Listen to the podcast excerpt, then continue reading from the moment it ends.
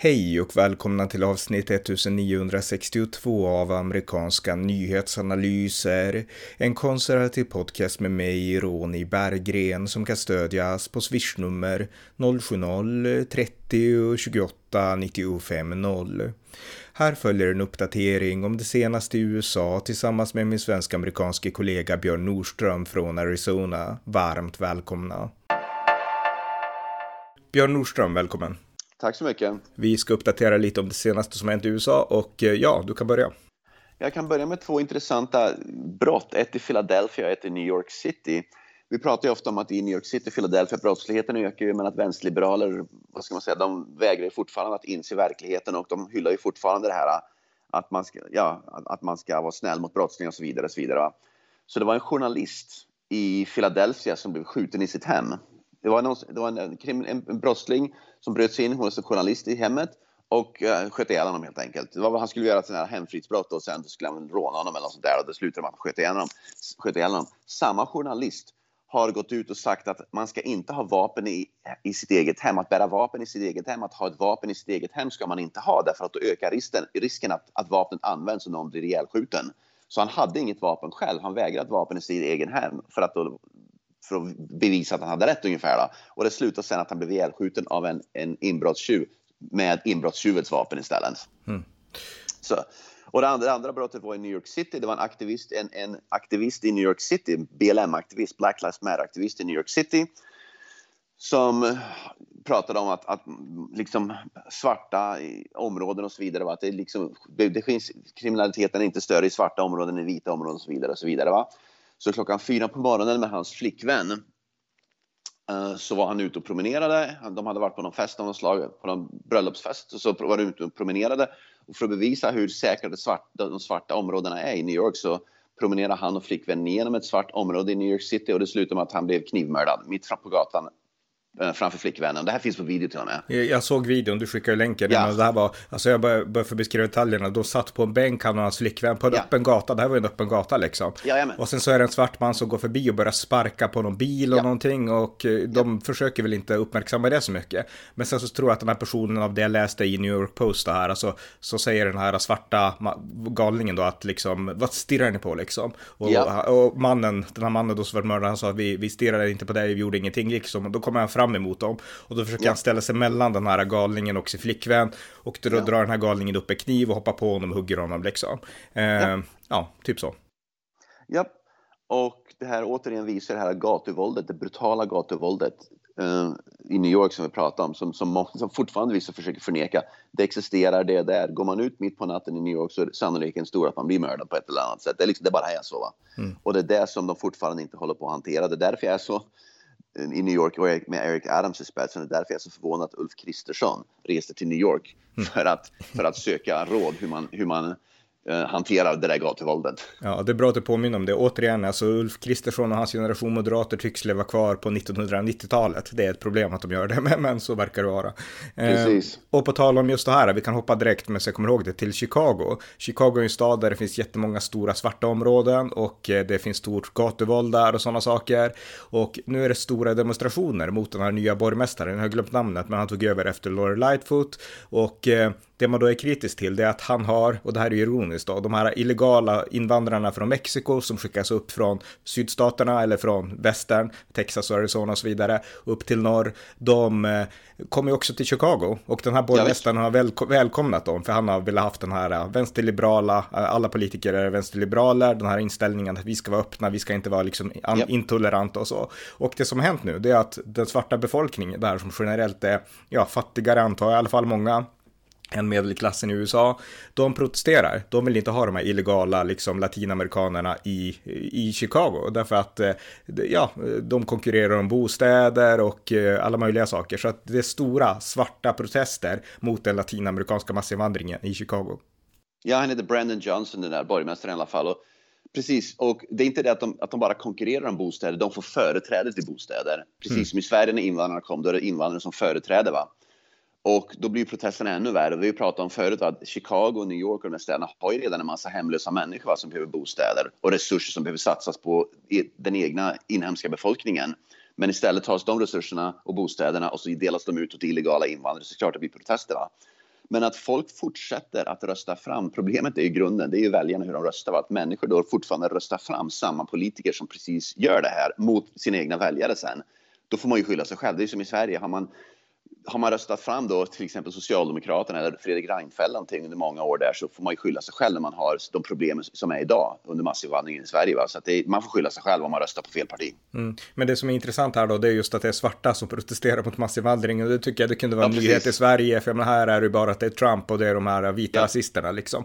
Och ja, det är även, jag menar, vi ska snart komma in på muren mot Mexiko, för det är ett intressant ja, kapitel. Ja, exakt, vi kan komma till det som nästa punkt, men bara lite kort då, Kamala Harris, hon pratade ju om Trumps mur som att det var liksom, det var något från medeltiden, alltså i presidentvalet 2020 när hon kandiderade då. Och eh, det här är någonting helt fruktansvärt och rasistiskt och så vidare. Så det vart ju beskrivet som en rasistisk mur. Och nu är det svarta i Chicago som, i alla fall i teori, alltså de, i praktiken skulle de vilja ha den här muren.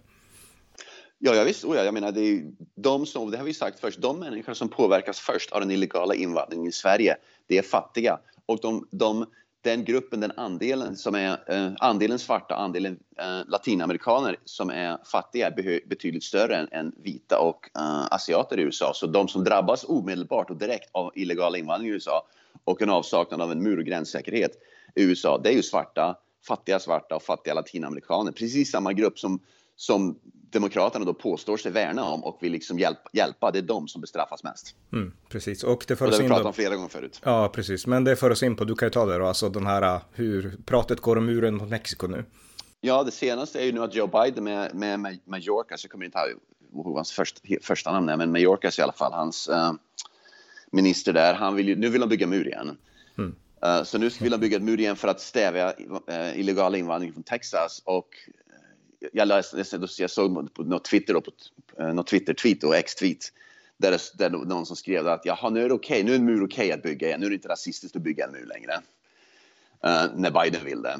Så att det, liksom, det går ju fram och tillbaka och, och det, det, här visar ju då att i vanlig ordning så Demokraterna är, vad ska man, virtue signaling, det här med att, att mur är rasistiskt och så vidare. Va? Och det är som social, moderat, eh, förlåt, Demokraterna i, i USA är som, som Socialdemokraterna i Sverige. Va? Mm i slutändan så, så, tar man, så, så, kör, så, vill man köra då Sverigedemokraternas politik eller Donald Trumps politik, men man vägrar erkänna. De vägrar fortfarande erkänna att det är den politiken de kör, även om det är den politiken de kör. De har ingen heder i kroppen. Ja, men lyssna det här är alltså, han heter Alejandro Mallorca, så han är ja, alltså Homeland Security liksom ja. Eh, chef typ. Och han säger ja. så här då, det finns för närvarande ett akut och omedelbart behov av att bygga fysiska barriärer och vägar i närheten av USAs gräns för att förhindra olagliga inträden i landet. Alltså, det här hade ju lika gärna kunnat sägas under Donald Trumps presidentskap.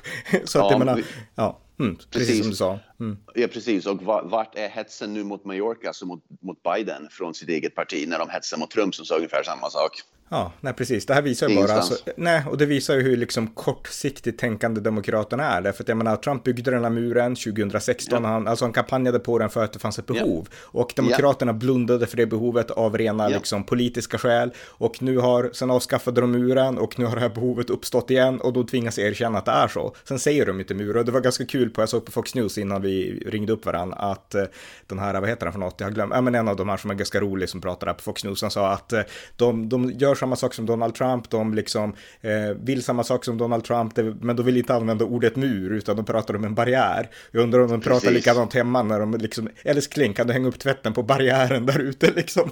Ja, just det. ja, ja precis, det de gör, de undviker ordet för att mur ja. har de redan liksom, de, de har nazistförklarat ordet mur, men de vill använda ordet mur, men det kan, ja. de, de gör det jäkligt svårt för sig helt enkelt. Ja, men en sak till, det finns ett exempel till på det här som jag tror, som är ganska roligt, och det var ju när det var War on Terror, det var George W. Bush ja. liksom begrepp Global War on Terror ganska lättbegripligt, man kan tycka man vill om det, men det är, man, man, förstår vad det betyder i alla fall. Sen när Obama tog över 2009 så tyckte han att det där var rasistiskt, man kan inte säga war on terror tyckte han, därför att vänstern hamrade på hur rasistiskt det var. Och ja. då ville han ha någonting liksom, den, lång, den långtida kampen mot våldsbejakande extremism ute i världen, typ ett sånt begrepp hade han. Och det användes kanske en vecka, media försökte haka på, sen inte ens media använde det där, utan då fortsätter de ändå skriva war on terror, för ingen fattar vad det betydde liksom. Så att, och, ja. visst. Mm. och det är det som är problemet med vänstern både i USA och Sverige. Att de använder ord och förvränger ord för att försöka förvränga en verklighet på något mm. vis. Och istället så, så blir allting blir galet och fel. Och det slutar med liksom att det blir pannkaka av alltihopa. Mm. Ja, verkligen, verkligen.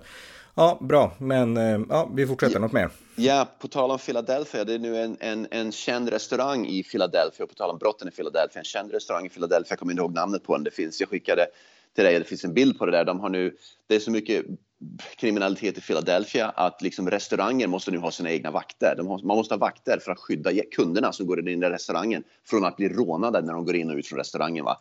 Så man ser en bild från en restaurang i Philadelphia där det står en vakt som har eh, vad heter det, en, sån här, en väst, en skottsäker väst och ett automatvapen. Mm.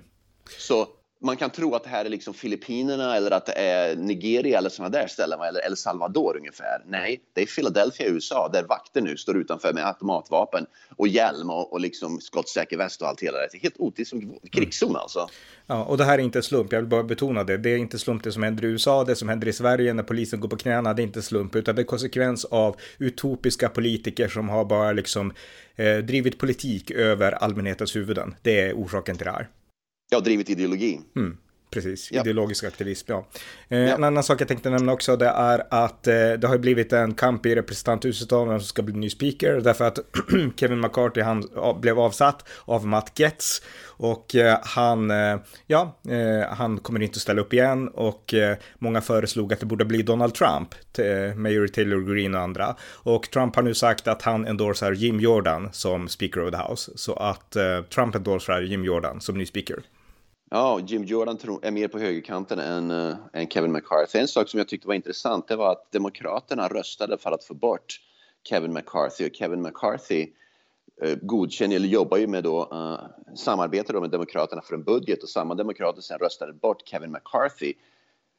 Det jag tror inte Demokraterna begrep är att i slutändan kan det sluta med att det kommer in en republikan som ny speaker som är mycket mer på högerkanten än vad Kevin McCarthy var och Demokraterna kommer ha mycket svårare att arbeta med den. Så de kan egentligen ha skjutit sig själv i foten genom att rösta bort Kevin McCarthy faktiskt. Mm. Jag håller helt med. Alltså absolut, det kommer ju bli en som är mer höger än Kevin McCarthy och det fattar så jag. Förstår, så jag, för, jag förstår inte varför Demokraterna gjorde det. Jag begriper inte varför de hoppade på det där, helt enkelt, annat än att de trodde att de skulle göra en vinn. De, de, de vann ett kort slag men de förlorade kriget. Mm, och därtill så jag menar, de sätter också krokben för sin egen president, för Joe Biden, för han kommer få svårare absolut. att arbeta nu. Dels för att kongressen absolut. inte alls fungerar i minsta vecka till ja. och dels för att om det blir en som är ännu mer höger så kommer det ju inte ja. att gynna Biden.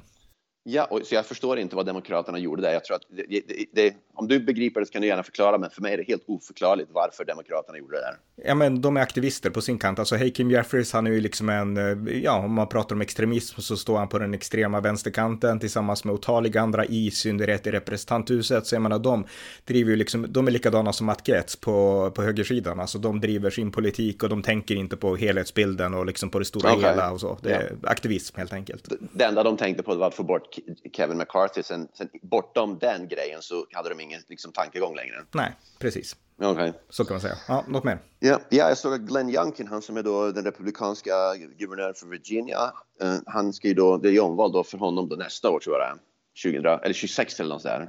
Jag vet inte, men i alla fall, han håller på att samla in pengar nu för sin uh, omvalskampanj. Och han har slagit nu alla nya, nya massa rekord i hur mycket pengar han har samlat in. Så att hans omvalskampanj verkar ha redan gått, går redan väldigt, väldigt bra finansiellt. Så att det verkar som att han är väldigt populär bland i alla fall donatorer, förmodligen bland folket med Virginia ska jag gissa. En annan sak som jag såg, det finns en svart kvinnlig eh, sportjournalist som heter Sage Steele och jag nämner att hon är en svart kvinna så ingen kan gapa om att det är en typisk vit medelålders man utan en svart kvinna. Hon intervjuade Joe Biden nyligen. Uh, och hon gick ut sen och sa att Joe Biden är ju mentalt helt borta. Eh, han kan inte liksom formulera meningar längre, han, han, liksom, han, kan inte, han förstår knappt vad man säger. Uh, och hon sa att när de satt och, och liksom, innan man intervjuar någon så här så småpratar man ju med varandra fram och tillbaka då, innan det liksom blir, liksom när det, innan man startar den formella intervjun. Hon sa att det var omöjligt att hålla ett, liksom ett småpratsamtal med Biden för att han förstod inte meningar. Han kunde inte formulera meningar. Liksom, han helt enkelt, hans mentala kapacitet var så låg att man inte längre kunde ha ett småprat, liksom ett, liksom ett kafferepssamtal med honom längre. Mm. Att han är helt borta alltså. Mm. Ja, det är intressant det var, att en journalist går ut och säger det, för normalt ja. så brukar journalister tona ner just den saken.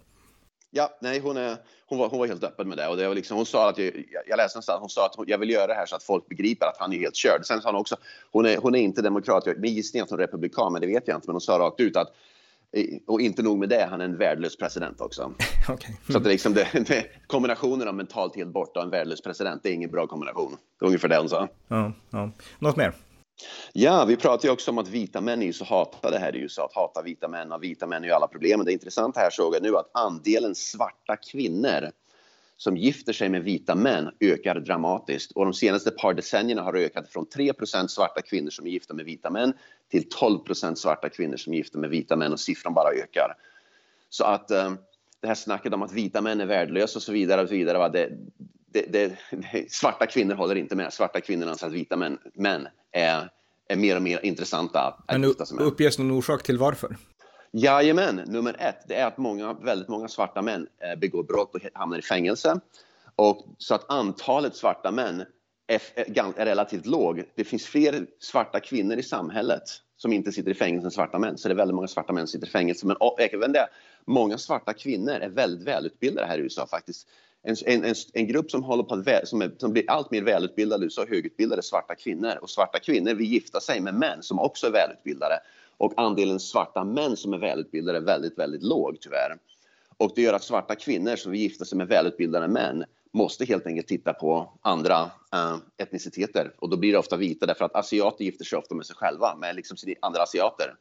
Äh, och, så det har med utbildningsnivå att göra också. Man vill gifta sig med någon som är välutbildad, som har mål, som, som liksom inte håller på med droger och, och, och liksom sådana grejer. Va? Utan det, det, jag vet att det här, det här liksom är någonting som man inte får säga högt, va? men Tyvärr är det allt för många svarta män som håller på med droger och kriminalitet och vapen och inte bryr sig om utbildning och skola och sånt där. Va? Mm. Och det gör att svarta kvinnor måste leta andra män. Ja, och det här gör också att man måste, man måste prata liksom, för det pratas mycket om den här vita machokulturen, att vita män är sexister och så vidare, och det ja. finns sådana utan tvekan, liksom, det är inget snack om den saken. Men alltså, det finns också inom den västerländska kulturen som råkas, det har inte med etnicitet att göra, jag menar, jag själv är inte vit, liksom, utan det har med kultur att göra, och hur man uppfostras och sådana saker, och vilken miljö man växer upp i.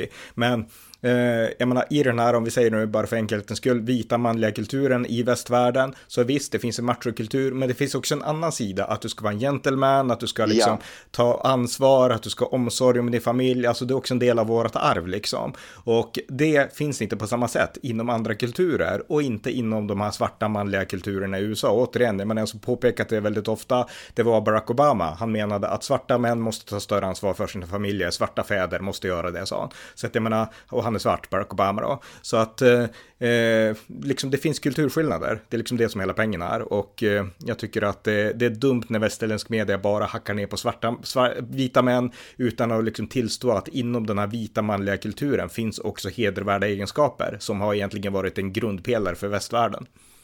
Ja visst, och vi pratade ju om för bara ett par, tre månader sedan genom poddarna, det var ju att det var en vänsterliberal kvinna som gick ut rakt ut och sa att det går inte att gifta sig med vänster. Jag hittar inga liksom, manliga vänsterliberala, vänsterliberala män längre. Så är man en vänsterliberal kvinna då, måste, då bör man också gifta sig med en konservativ man om man vill ha en riktig man och inte en vänsterliberal mes. Mm, mm. Så det är liksom, då återkommer vi till det där. Va? Så att ideologi förstör förstör det mesta för vänsterliberaler. Va? Mm, men en sak så till bara, eh, i, i, på det här spåret, liksom, om du åker till Afrika, många länder där, jag menar, då är det inte så att männen är liksom, absolut, de kan arbeta, det beror lite på kultur och vi ska inte göra det för enkelt, men generellt i så de här traditionella samhällen, då är det kvinnan som arbetar, hon har, hämtar vatten, hon sköter hemmet och det är tungt arbete, yeah. mannen kan sitta och vila liksom, ungefär som, ja, du ser lejon på savannen, hanen ligger bara och vilar och honorna yeah. liksom samlar in allting. Liksom, det finns sådana kulturer, det är bara ett faktum, och västvärldens kultur är inte inte sån. Det är det som är liksom viktigt att påpeka. Det svenska bondesamhället var inte sån, det var mannen som arbetade ute, kvinnan arbetade hemma, de arbetade tillsammans.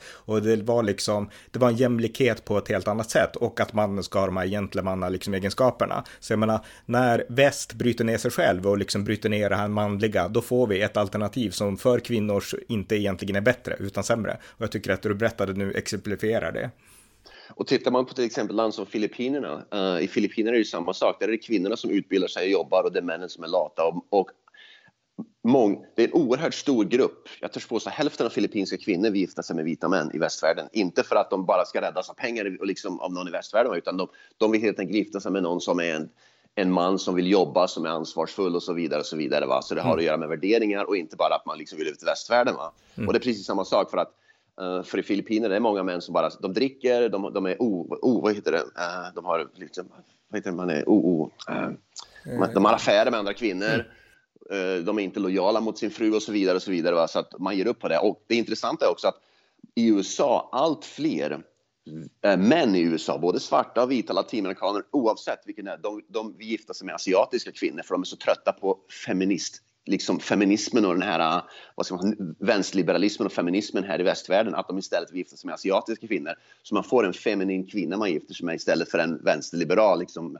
militant feminist. Mm som sen, som sen, som sen kommer att sluta i, skilsmässa ändå. Ja, ja, mycket intressant. Det, det är sånt här som media borde prata lite mer om och då vill jag göra en ja. avstickare. Jag läste på SVT igår att eh, public service, eller om det här var bara SVT, de måste skära ner 200 miljoner kronor och sparka ungefär 80 anställda eller säga upp dem. Ja. Och eh, det innebär helt enkelt orsaken som anges, det är dels inflation och det är dels att eh, produktionskostnaderna blivit högre och dels att de måste öka säkerheten nu när det är liksom nationell osäkerhet i Sverige. Ja. Och när jag läste det, jag skrev ett inlägg på Facebook och där, så tänkte jag att eh, okej, okay, nationell säkerhet, eh, står inte staten för sånt liksom, eh, i synnerhet när det gäller liksom skyddsobjekt som SVT och så vidare. Inflationen, den drabbar alla och generellt så drabbar den rent privata aktörer hårdare än det drabbar liksom folk som skyddas av skatteintäkter eh, och organisationer då. Och när det kommer till medieproduktion, jag menar, det är i princip gratis. Du kan göra allt gratis på, på nätet idag. Jag menar, du kan skapa ja. grafik gratis, du kan skapa, alltså allt. Du kan göra ja. allt allt hur enkelt som helst. Så jag menar, vad är det som kostar egentligen? Och då slog mig bara tanken att det måste vara, för jag menar, det, det, ja det är lönerna, för det är inte kvaliteten på journalisterna. Jag menar, vi vet USA-korrarna, de är inte speciellt bra. Våran ja. podd som är helt gratis, den är liksom, den är överlag bättre än många USA-korrar i deras rapportering om USA. Så jag menar, det är inte liksom journalisternas utbildning eller kvalitet, det är inte det som kostar, Precis. utan det måste vara lönerna, tänker jag. Ja, självklart är det lönerna. Absolut. Och det, det, det är det lättaste sättet att spara, det är på löner. Punkt slut. Ja, men även det att det liksom, mycket av det de gör, det går till just löner. Alltså det, det är dit pengarna ja. går liksom. Ja, utan att producera någonting av värde. ja, ja. ja eh, vi fortsätter. Mm. Ja, på tal, om, eh, på tal om brott i, i staden Washington DC, huvudstaden då i USA, som är en väldigt brottslig stad, vilket är ganska roligt eftersom det är USAs huvudstad, det är ironiskt där. Uh, en uh, demokratisk uh, representant för representanthuset, han, jag, tror, jag vet inte om jag uttalar hans efternamn, Henry Queller eller Sweller.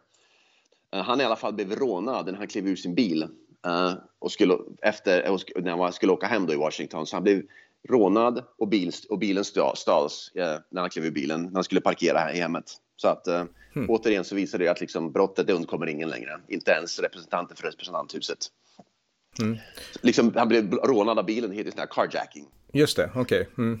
Eh, ja. Precis, Curry Act. I, eh. ja, i, jag tänkte bara nämna i Boston så röstade man ner folket i Boston, eh, kommunstyrelsen, de röstade i alla fall ner.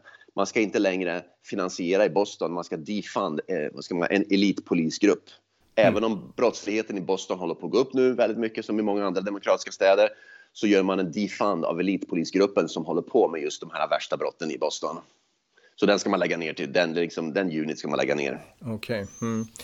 Eh, jag tänkte också, Donald Trump han har stått inför det här åtalet i New York nu. Han var där bara för någon dag sedan och han, ja, han skickade ut någonting, något, han skrev något elakt om en av liksom, de anställda till domaren och så vidare. Men jag har faktiskt inte tänkt med så mycket det. Har du det? Hunnit läsa eller följa det på något sätt? Det har jag faktiskt inte gjort, nej. Nej, nej just det. Nej, okej, vi får återkomma om det då. Ja, något mer? Jag tänkte bara nämna att under den här omröstningen nu när man skulle rösta bort uh, Kevin McCarthy som Speaker of the House, då var det en demokratisk på vänsterkanten, minns inte vad han heter, det var en, den här svarta mannen som är då demokrat och på vänsterkanten i den här The Squad, kommer inte ihåg vad han heter rakt av. Han i alla fall, han drog i, i, i brandalarmet så det började tuta. Och ingen hade en anledning, ja, så det fanns ingen anledning att han skulle göra det utan han bara drog i, i brandalarmet. Och det ty, återigen så visar det ju då de här vänster, de här, de här vänsteraktivisterna som är politiker att de liksom har ingen vad ska man säga, ingen respekt för, för någonting utan man drar i brandalarmet för att bara ställa till ännu mer oreda. Jamal Bra Bauman heter han. Jamal ah, ja, Bauman. Mm. Tack så mycket. Mm. Ja. ja. Fick, alltså det borde man ju straffas för. Det borde man inte få. Liksom. Det, håller, det, det, det är för, inför utredning nu och mm. uh, förmodligen så förhoppningsvis kommer man att bestraffas. Det måste man, för gör man, drar man i brandalarmet på en biograf eller en skola eller i en affär eller någonting, då blir man ju bestraffad. Då går man i fängelse om inte annat. Då är det det. Frågan om, är om han kommer att behandlas annorlunda därför att han är politiker. Men jag hoppas att han kommer att få exakt samma straff. Han måste ju få det. Därför att de, Demokraterna framförallt, de vill, borde ju vilja bestraffa honom eftersom de gapar ju alltid om att, att Donald Trump ska bestraffas för att man liksom är, politiker ska inte sitta över lagen utan Donald Trump sitter inte över lagen heller därför, ska han, därför måste han också bestraffas. Så om Demokraterna hade någon form av konsekvensanalys så borde de ju också tänka att okej, okay, nu måste vi ju, och principfasthet, nu måste han också bestraffas. Drar man i brandalarmen så måste man bestraffas. Men mm. i demokratisk vanlig ordning så det, be, straff och sånt där, det gäller bara för vissa men inte för andra. Mm, mm. Ja, något mer? Ja, sista grejen eh, som jag sa här, det är att jag såg att Sound of Freedom, filmen Sound of Freedom, är klar för biopremiär i Sverige. Jag vet inte vart den kommer att gå eller vilket datum den kommer ut, men jag såg i alla fall en nyhet. Jag minns inte vart jag såg den. I, alla fall, det var någon tidning när jag gick igenom. Så Sound of Freedom kommer att visa i Sverige och jag uppmanar folk att gå till den, att gå och titta på den. Och vi har ju poddat om det tidigare, för du har ja. sett den i USA, så att du rekommenderar den varmt. Absolut, den, den måste se film alltså. Det är årets film. Mm, Sound of Freedom. Okej, okay, tack så mycket Björn. Ja, tack så mycket. Tack för att ni har lyssnat på amerikanska nyhetsanalyser. En konservativ podcast som kan stödjas på swishnummer 070-30 28 95 0 eller via hemsidan på Paypal, Patreon eller bankkonto. Glöm inte att också gärna skänka en slant till valfri Ukraina-hjälp. Tack igen för att ni har lyssnat.